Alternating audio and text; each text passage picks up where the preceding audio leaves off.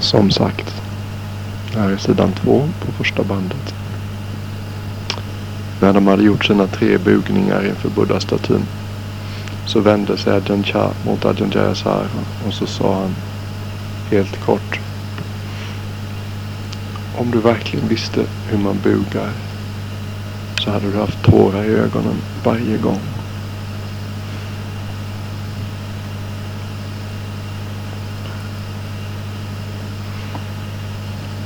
En av de refrängerna som återkommer gång efter gång efter gång när man läser om de helt upplysta mästarnas liv och deras beskrivningar så är det hur de, de försöker hela tiden över förklara för oss att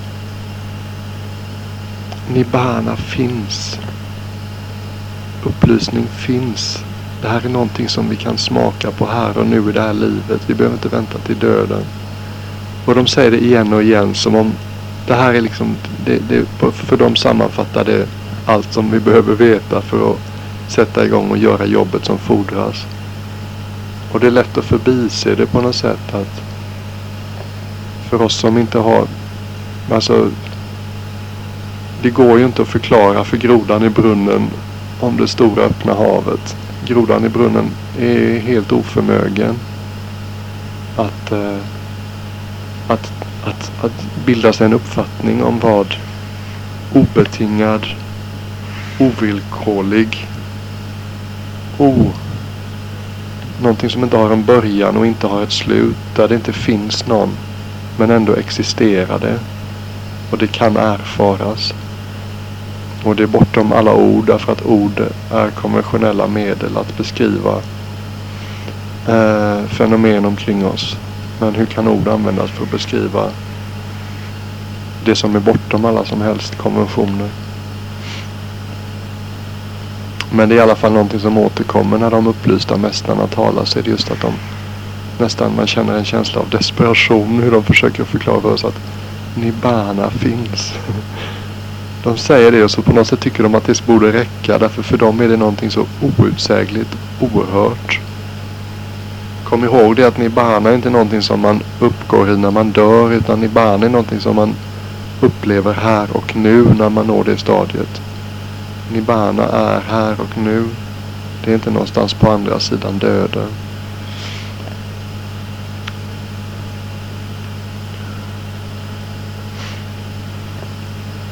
En munk han beskriver det som att en groda som ska försöka beskriva för fiskarna hur det är på land. Han, han sitter där nere på sjön, på sjöbotten med några fiskar. Och, så. och han skulle gärna vilja förklara för dem hur det är på land. Och så frågar en av fiskarna. Är det, är det, är det grumligt i vattnet där, där på land? nej, nej, man, man kan inte precis säga att det är grumligt. Det är han ju tvungen att svara. Och så säger de. Är det, är det djupt? Är det djupt i vattnet där nere på, på land? Nej, nej, nej, man kan inte säga att det är djupt. Det kan man inte säga. Ja, det, det låter ju bra här för fiskarna. Då frågar jag fiskar. Är det, är det vågigt och skvalpigt på land? Nej, nej, det kan man inte säga att det är. Och vid det här laget så har fiskarna bildat sin uppfattning. Hmm, ja, land det, det låter ju som ett rätt bra ställe. Klar sikt och det är djupt. Det är inte djupt och inte mycket vågor som stör det. Det låter som ett attraktivt ställe. Men för grodan så står det ju klart att fiskarna har inte en susning om vad land innebär.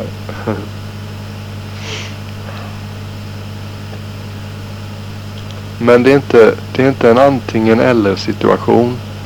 Där man måste så att säga i ett par hundra liv ägna sig åt buddhistisk träning för att få uppleva det här. Utan det är Eh, resultaten låter inte vänta på sig. De kommer mycket fortare än så. Eh.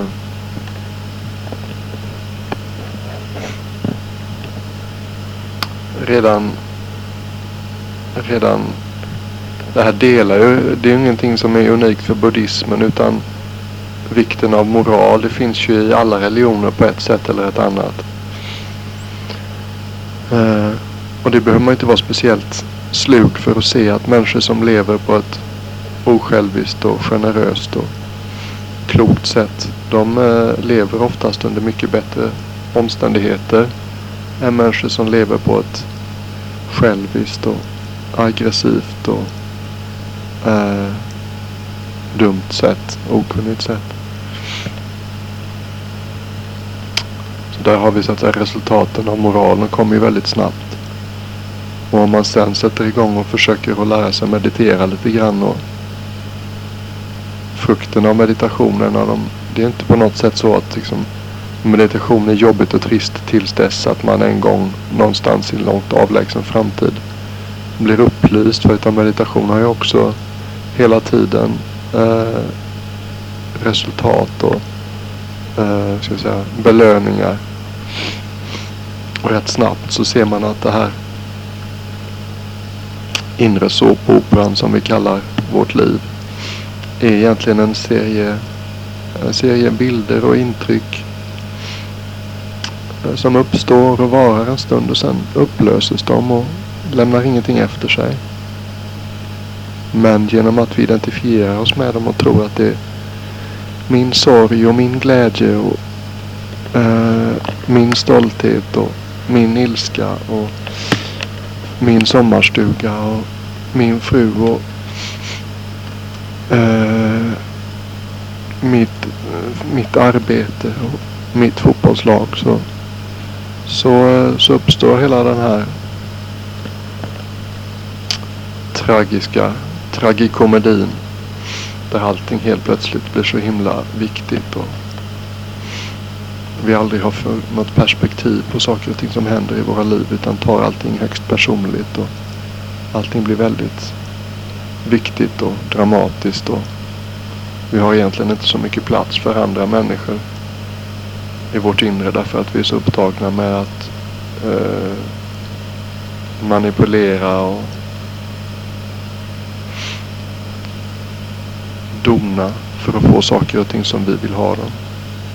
Problemet är att vi vet inte vad som är, vad som är nyttigt för oss.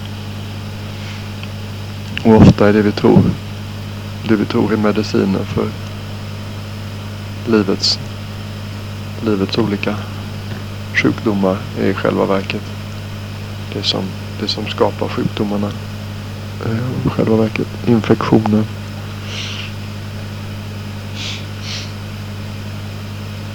Och det är en av, en av de underbara välsignelserna med meditation är att när vi har sett de här inre rösterna tillräckligt många och gånger och med lite tålamod har sett hur de varar en stund och sen upphör så, så tar vi dem inte lika allvarligt längre.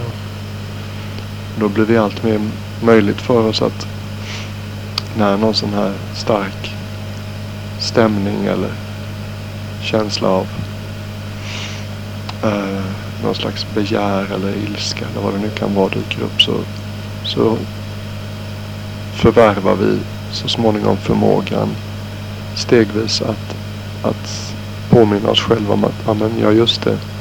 Det här är bara ett liten tillfälligt spöke eller demon som inte ska tas för allvarligt. Och då som som vi alla vet. Så när vi ser någonting eh, så som det faktiskt är så, så, så, finns det inga bekymmer längre. Den människa som lever i sanningen och som ser saker och ting som de faktiskt är upplever inget, inget bekymmer, inget lidande, inga besvär. Därför att när vi lever i sanningen så det är bara som det är. det skapar inget, inga svårigheter för oss till och med i svåra situationer när människor kan behandla oss väldigt illa.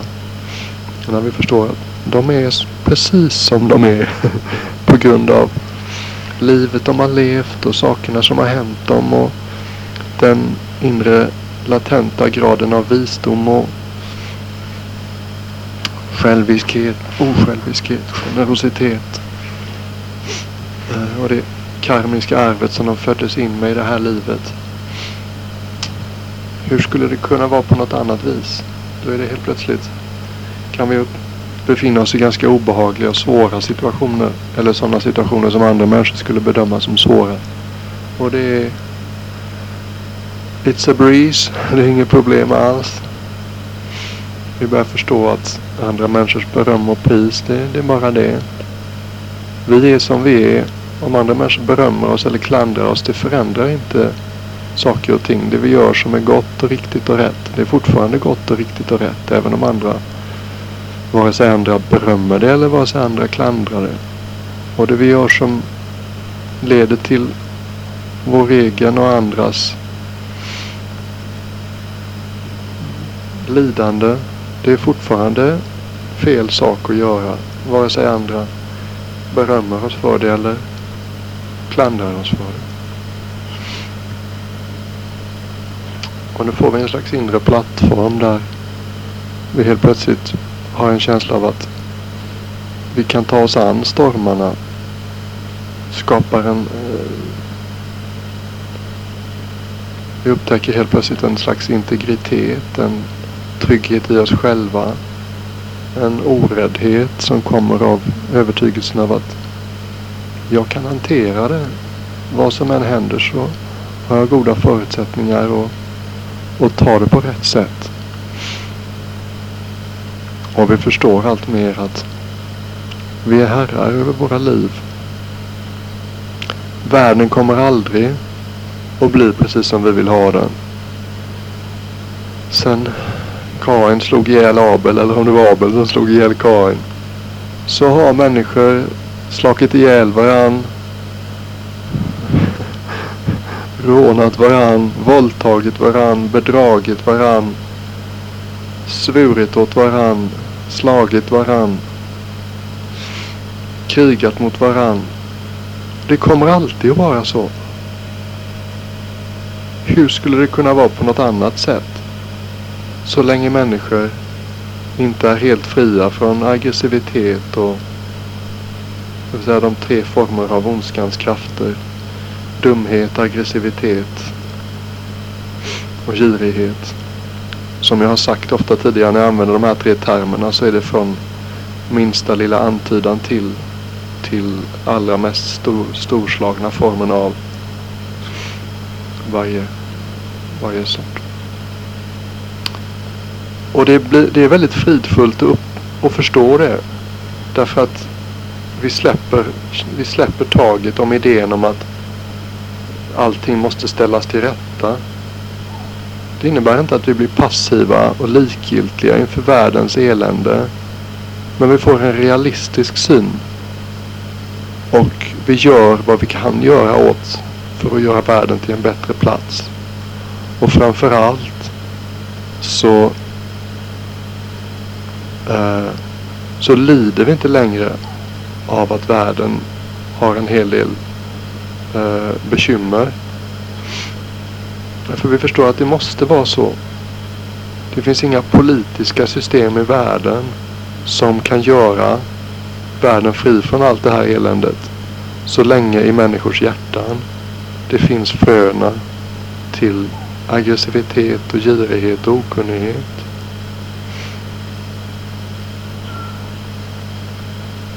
Och en människa som med insikten om att det inte finns någon varaktig kärna i oss själva ger sig ut och eh, ställer saker och ting till rätta efter, efter förmåga.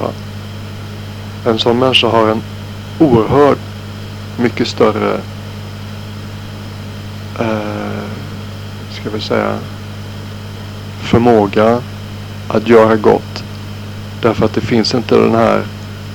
Det finns alltid en slags självisk motivering bakom människors vilja att göra gott och ställa allt till rätta i världen. Så länge de inte är fullt upplysta. Det kommer alltid finnas en, en del av oss som vill, eh, som vill ha, ska vi säga, erkännande för det goda vi gör. Som vill ha tacksamhet som vill ha respekt eller någonting annat. På något sätt finns det alltid, det är aldrig ett helt och hållet oreserverat givande. Vi förväntar oss alltid någonting tillbaka. Så länge vi inte är helt och hållet upplysta. Och därmed så länge vi har en känsla av att det finns ett jag någonstans innerst inne. Som har då vissa behov. Men den fullt upplysta har inte det längre utan helt osjälviskt så gör de vad som behövs. Det är också intressant att notera att de flesta fullt upplysta människorna, vare sig vi talar om buddhans tid eller vi talar om nutiden, de, de ägnar sig inte så mycket åt socialt arbete. Utan det som de ägnar sig åt är att eh, genom att lära ut damman genom tal om de har den läggningen eller genom bara sitt levnadssätt om de inte har en verbal gåva. Eh, så ger de världen någonting som är så oerhört mycket mer värdefullt än än eh, medicinsk och hjälp och tält och mat och allt annat som man kan hjälpa till med.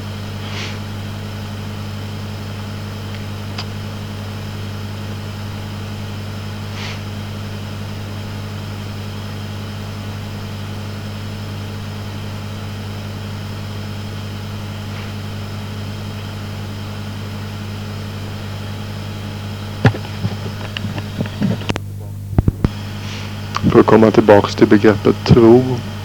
Då finns det några liknelser som är värda att komma ihåg.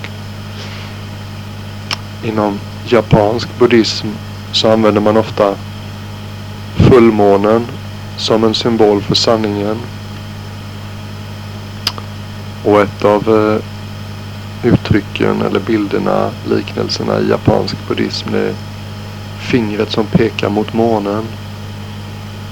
Och där talar lärarna ofta om eh, fastna inte i beundran av fingret. Fingrets enda uppgift är att visa vägen till månen. Det är månen som är viktig. Och det här är en fara för alla religioner i alla tider. Att vi, eh, att vi fastnar i, i eh, ska vi säga, beundran för säg eh, välformulerade läror eller intellektuellt stimulerande doktriner eller karismatiska andliga ledare.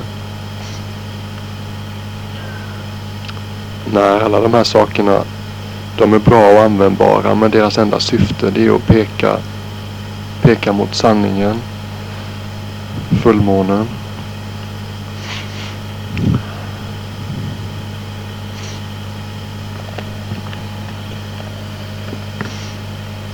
Många av Buddhas lärjungar, munkar också, de började gråta när Buddhan låg för döden. Eller han låg inte för döden som jag sagt, men vi kallar det för det. Eh, Kusinara tror jag stället hette. Fast det är möjligt att jag blandar ihop dem. Och eh, Buddha var väldigt klar. Han var väldigt otvetydig i sin budskap som vanligt och, och sa att eh, har jag inte lärt er att allting här i världen är förgängligt så inte finns det någon anledning att fälla tårar över Buddhas bortgång.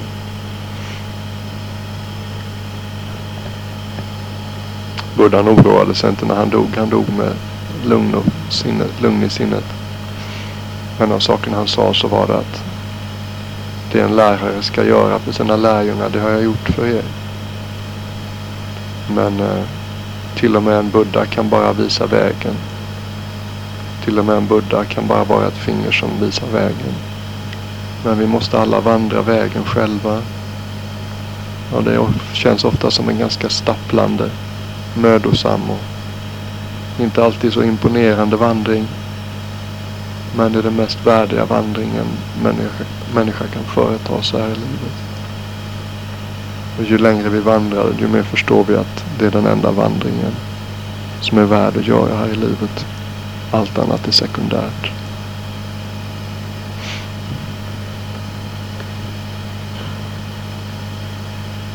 Buddhans sista ord skulle översättas till någonting i stil med till svenska att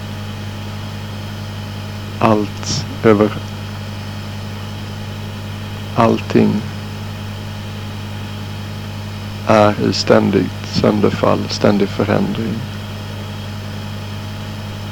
Var vaksamma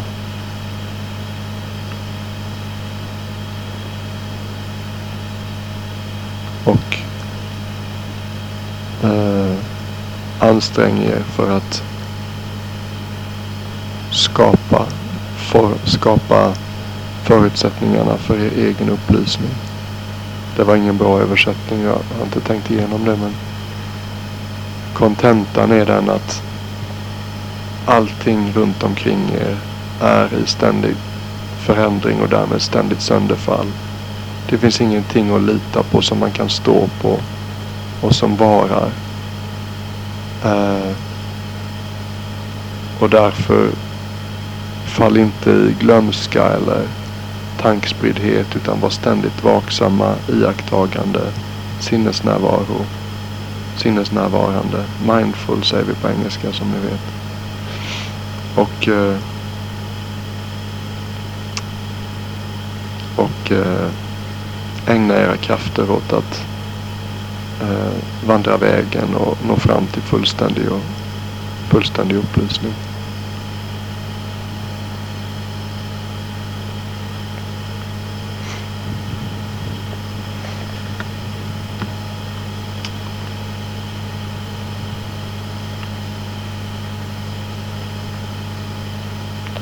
En annan bild som ofta ges så är det bilden av en flotte.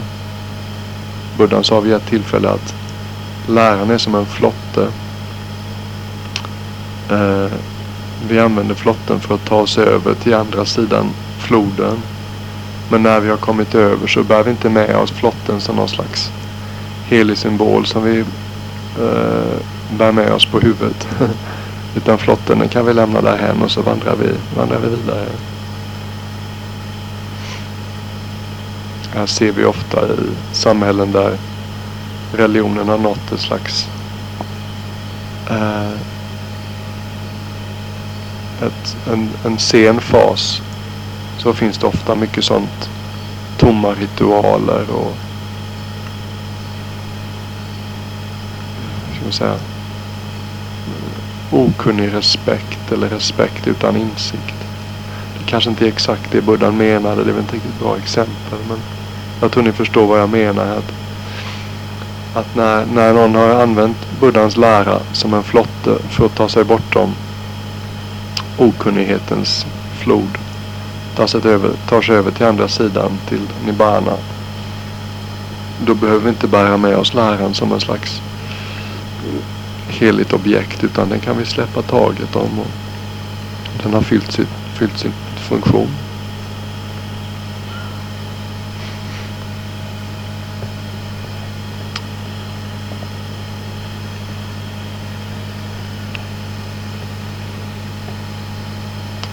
Man ska bli lite mera jordbunden och praktisk. Så kan man tala om det att det är ju även religioner är ju föremål för alltings förgänglighet. Man har väldigt mycket känslan i Thailand idag av att buddhismen är i en sen fas. Buddhismen är en döende religion. Och formerna för dess utövande blir allt mer tomma och ritualistiska. Och här är det viktigt att inte bli cynisk och göra det här klassiska misstaget och se allting i svart och vitt. Utan det finns fortfarande fullt upplysta män och kvinnor.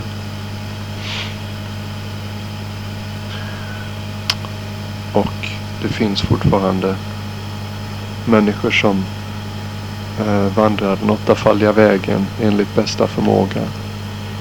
Och på det sättet kan man säga att buddhismen i allra högsta grad lever men kanske inte i högsta välmåga. Buddhismen har ett stort stöd från offentligheten och till den yttre formen är väl 90 procent av Thailand buddhister. Men om vi ser till eh, hur många som gör en uppriktig ansträngning och vandrar den, vandrar den åttafaldiga vägen efter bästa förmåga så är det väldigt få människor. buddhismen får ofta eh,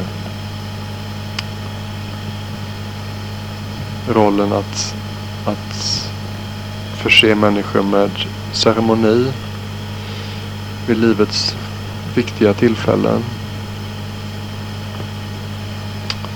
Och eh, samtidigt som det är underbart att konstatera att man lever i vad som förmodligen är världens mest generösa land.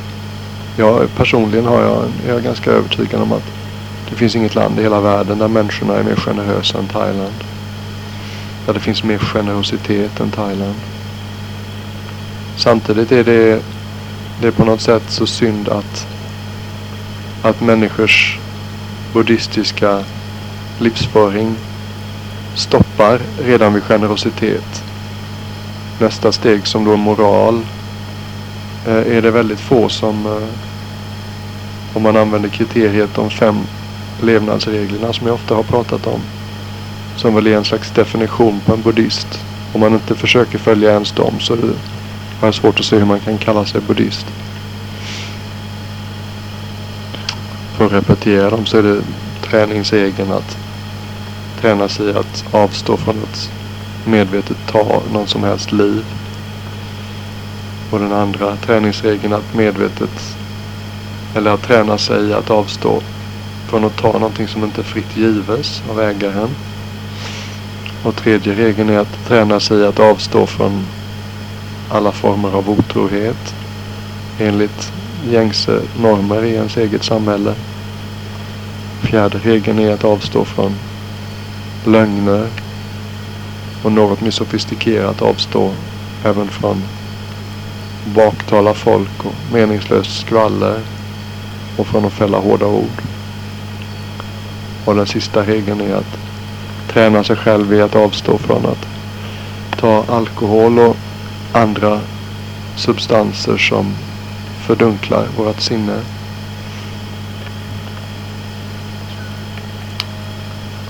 Och använder man dem som kriterier så är det knappt. Det är förmodligen inte ens 5% av Thailand, Thailand, Thailands befolkning som är buddhister. Ajahn Chah, han talade om buddhism i väst. Så sa han vid något tillfälle att buddhism i Thailand är som ett stort gammalt träd. Det är stort och imponerande på utsidan. Men det ger inte mycket frukt längre. Och frukten det ger är liten och ganska bäsk. Buddhism i väst det är som ett mycket ungt och skört träd som inte är så stabilt än men som inom kort kan ge god och fin frukt. Andreas Suchito han skrev i, skriver någonstans i Dawn of the Dhamma om om eh, ska vi säga buddhismens som dess levnadslopp och dess stadier i olika länder. Att de eh, Nej, jag skippar det. Jag är inte riktigt säker på att jag kan återge det på ett bra sätt.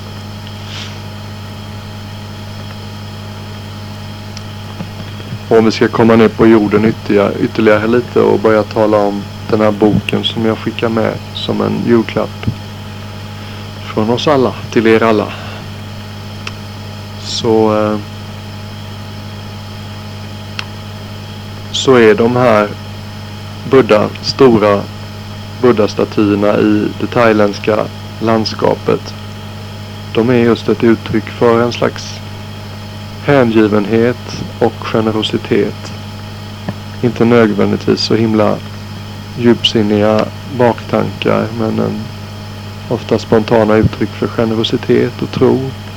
Vilket är underbara mänskliga kapaciteter.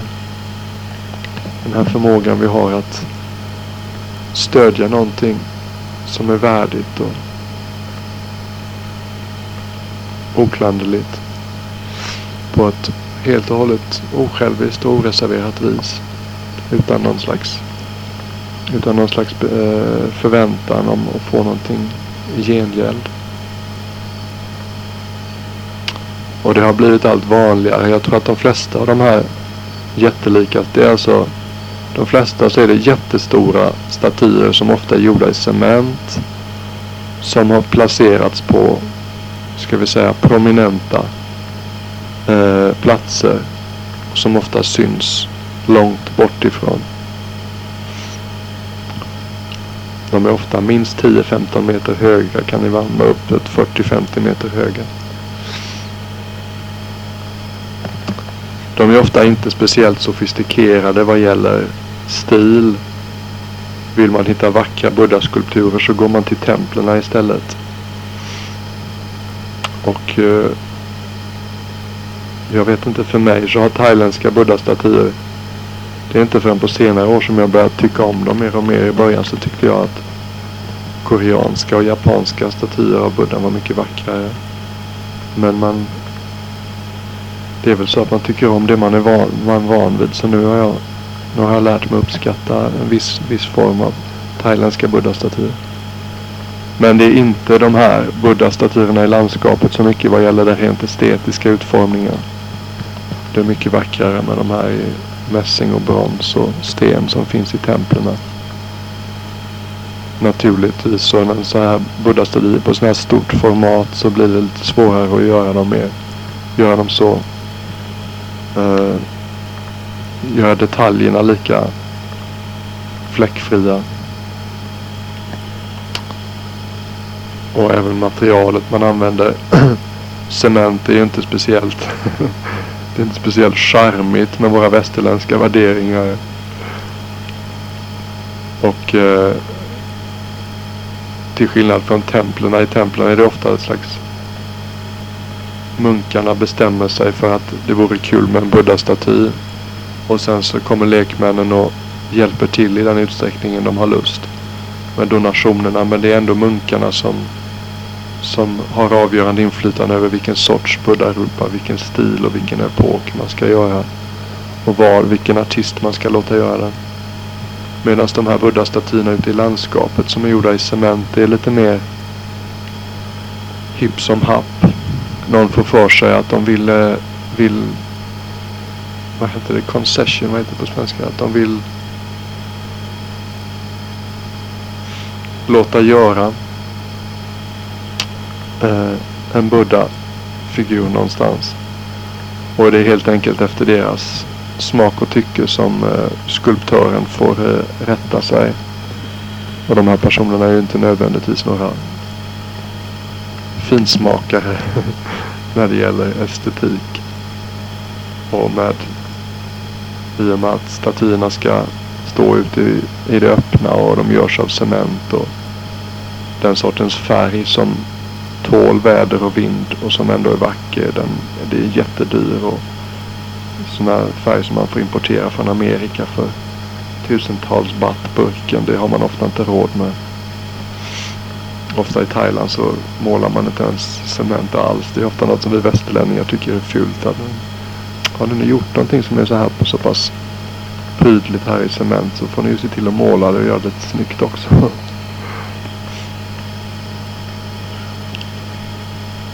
Som ni säkert har noterat så har jag målat cementstolparna under hyddan här. De var ju bara vanlig ful cementfärg med olja på innan och nu har jag målat dem vackert vita. Alla västerlänningar, ja prydligt snyggt. Mm, gillar vi. Och thailändarna är lite sådär förbryllande. Varför slösa massa pengar på, på cement? Orsakerna till att en människa kan låta låta beställa en sån här jättelik Buddha-figur. Eh, de kan vara många. Det kan vara en människa som har levt ett liv där de inser att mycket av det de har gjort i livet är inte speciellt klipskt.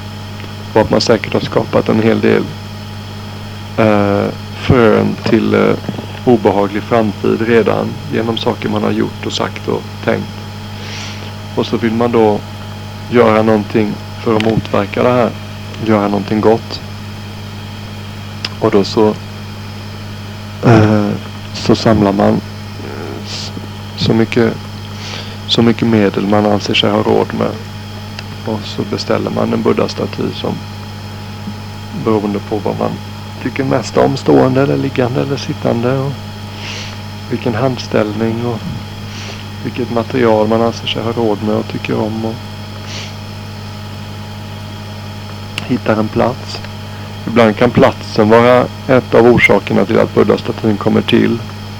Det kanske är en plats där byborna en sak som är viktigt att förstå för att förstå thailändsk buddhism. Här är en liten passus.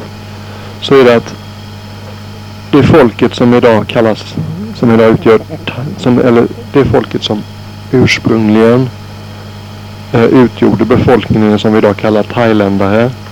Det var en grupp som utvandrade från södra Kina och slog sig ner i vad som idag är centrala och västra Thailand. Thai på det här språket i södra Kina, det betyder de fria. De var animister och animister så vitt jag förstår de eh, ser naturen som besjälad och de ser spöken och demoner och gastar överallt.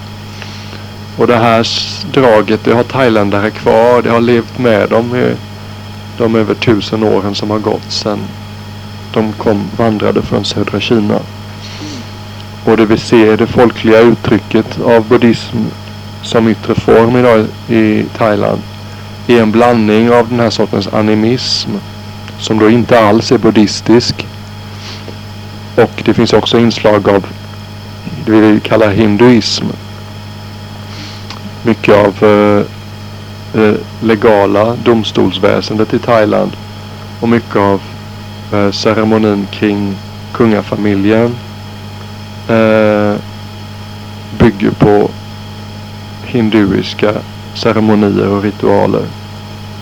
Flera av årets högtider eh, bygger på hinduiska högtider. Det är fortfarande mycket människor som eh, använder sig av hinduiska spåmän som inte gör något viktigt beslut. Vare sig det gäller att starta ett företag eller göra en lång resa eller döpa ett barn så gör de ingenting utan att först konsultera sina eh, bra brahminer, vedanta, hindu-orakel, spåmän. Så att det folkliga uttrycket som vi kallar buddhism det är en blandning av buddhistisk ceremoni, animistisk andetro och hinduisk ceremoni och synsätt. Och folks thailändarna är som helhet. De har en oerhörd tro på spöken. De är väldigt vidskepliga när det gäller spöken och andar och gastar. Och även moderna thailändare tycker att det är jättemodigt att bo och leva ensam i skogen. Därför att de flesta människorna, även om de inte erkänner det, är övertygade om att det är fullt av gastar och andar i skogen som är vars huvudsakliga nöje är att skrämma människor. och då kan de få för sig att en, en kulle eller ett berg är besatt av onda andar och då vad de gör då för att eh, tämja, beveka andarna, spökena, gastarna så kan det vara att man samlar sig och bestämmer sig för att bygga en stor buddha-staty. Det är ett annat skäl till att de här statyerna i naturen kommer till. Ett annat skäl kan vara att en plats är olycksbådad på något sätt. Ofta på platser där det händer en massa trafikolyckor så kan det hända sig att folk går samman och bestämmer sig för att bygga en sån här stor buddha-staty. Väldigt hälsosamma attityder, eller hur?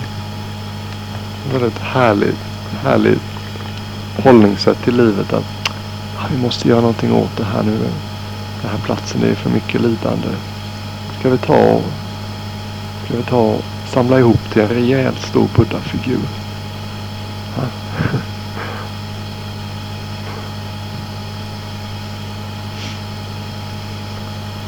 Som ni alla vet så började min vandring på den åttafaldiga vägen. Den började i Chiang Mai. På det här lilla, lilla bytemplet norr om stan där det var så mycket oväsen och så trångt och, och rätt smutsigt också. Och det var alltid med blandade känslor jag kom dit. Det var lite som att äta fiskle dricka fisklevertran. Jag vet att det här är nyttigt för mig men jag tycker inte om det. men jag visste att jag var, jag var så pass klok så att jag förstod att jag var sjuk och jag behövde medicin. Och där fanns det medicin även om den inte smakade så gott. Och det var aldrig någon som sa att jag kunde få lite socker i botten som i den gamla schlagersången. Utan medicinen erbjöds on the rocks. Utan socker. Utan kola. Och det första som mötte mig alltid när jag kom flygandes från Bangkok. Jag kom ju dit, kom och gick många gånger som ni säkert vet. Och när man flög in så såg man alltid en stor vit buddha-staty högt uppe i bergen. Och det lättade alltid på hjärtat. Jag kunde vara rätt sådär med blandade känslor som jag kom till Chiang Mai alltid. Jag visste att det här, det här blir jobbigt. Men det, det, det är viktigt och det är rätt. Och den här vita sittande buddhan högt upp i bergen. Den, den lättar alltid på molnen kring, kring hjärtat. Och när man kom ut ifrån flygplanet, om alla andra var ute så här, på väg in till ankomsthallen och man fick vända sig 180 grader om och stanna upp för att se den. Vilket jag alltid gjorde men det var på något sätt, det var på något sätt symbolen, en slags vänlig en vänlig och värdig figur i landskapet som hälsade mig välkommen och kändes bekant och kändes som någonting som att komma hem på ett visst sätt. Och eh, det enda lilla nöjet man hade i det här ganska stökiga klostret eller ett av de få nöjena så var det att man kunde ta sig en liten promenad runt klostret då och då. Och promenader gjorde jag en eller två gånger om dagen. Jo framförallt i skymningsdags brukar jag göra det. Och det kan ju låta löjligt men det, jag kunde verkligen se fram emot den här lilla promenaden. Jag hade inte så många andra nöjen. Och eh, på ett ställe då gick jag runt hela klostret på utsidan. Och på ett ställe så kunde man, eh, om luften var klar och molnfri, så kunde man se den här Buddha figuren, den vita stora figuren sittandes uppe bland bergen. Och det var alltid en källa till det.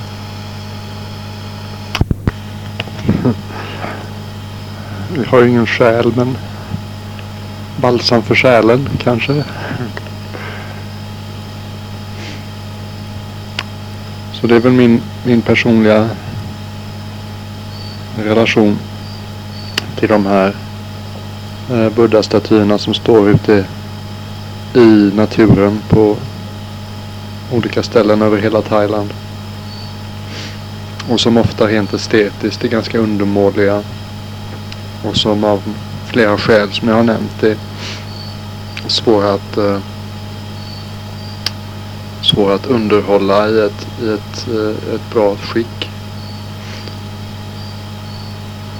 Men icke desto mindre så är de ju jättefina påminnelser om, om någonting som, som finns där som en, som en potential, som en möjlighet för oss hela tiden. Att vända oss mot det som är riktigt och rätt. vända oss mot det som är stort och fint och sant och som man kan lita på, som man kan ta som en riktig tillflykt. Det finns något som är mycket större än jag. Det är en ganska eh, hälsosam reflektion. Också den här stillheten som, som väl kanske är en förvärvad smak.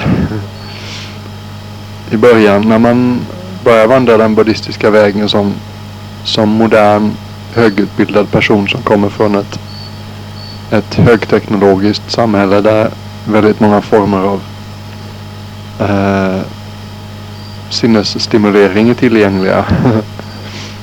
så, så, så har man inte riktigt klart för sig vad det här med stillhet och allt sånt det är väl bra men vad har det med lycka att göra? Vi är så vana vid i det moderna samhället vare sig det ligger i öst eller i väst. Det spelar ingen roll egentligen. Eh, att det vi anser vara lycka det kommer från yttre stimulans. Våra sinnen och därmed våra nervsystem ska hela tiden stimuleras vare sig det är goda måltider eller spännande resmål och därmed eh, vackra synintryck och hörselintryck och luktintryck och smakintryck.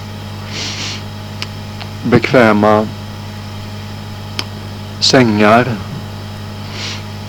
bekväma bilar, bekväma allting. Eh, spännande filmer som är fulla av våld och sex och materiell uppgång och nedgång och osäkerhet. Och det, det är ganska, vad ska jag säga, hela vår uppfattning om lycka grundar sig på att det måste till yttre stimulans, eller hur? Eller det kanske inte är hela vår uppfattning, men det är så att säga den offentliga versionen av lycka. Den som vi erbjuds för det, för det mesta i media eh, och i samhället runt omkring oss. är att det ska till stimulans för att vi ska vara lyckliga. Det saknas någonting som vi inte har än, men om vi har det, om vi konsumerar det eller upplever det, då kommer vi bli lyckliga. Eller lyckligare än nu åtminstone. Och den här uppfattningen, den ligger så djupt hos oss. Den är så självklar. Så idén om att vi inombords har förmågan att vara fullständigt lyckliga utan några av alla de här sakerna. Den är lite ny och lite främmande. Det tar ett tag att vänja sig vid det. Det tar ett tag att vänja sig vid den underbara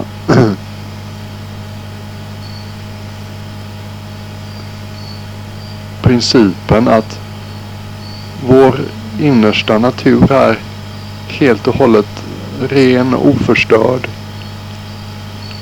Perfekt. Sen så har det under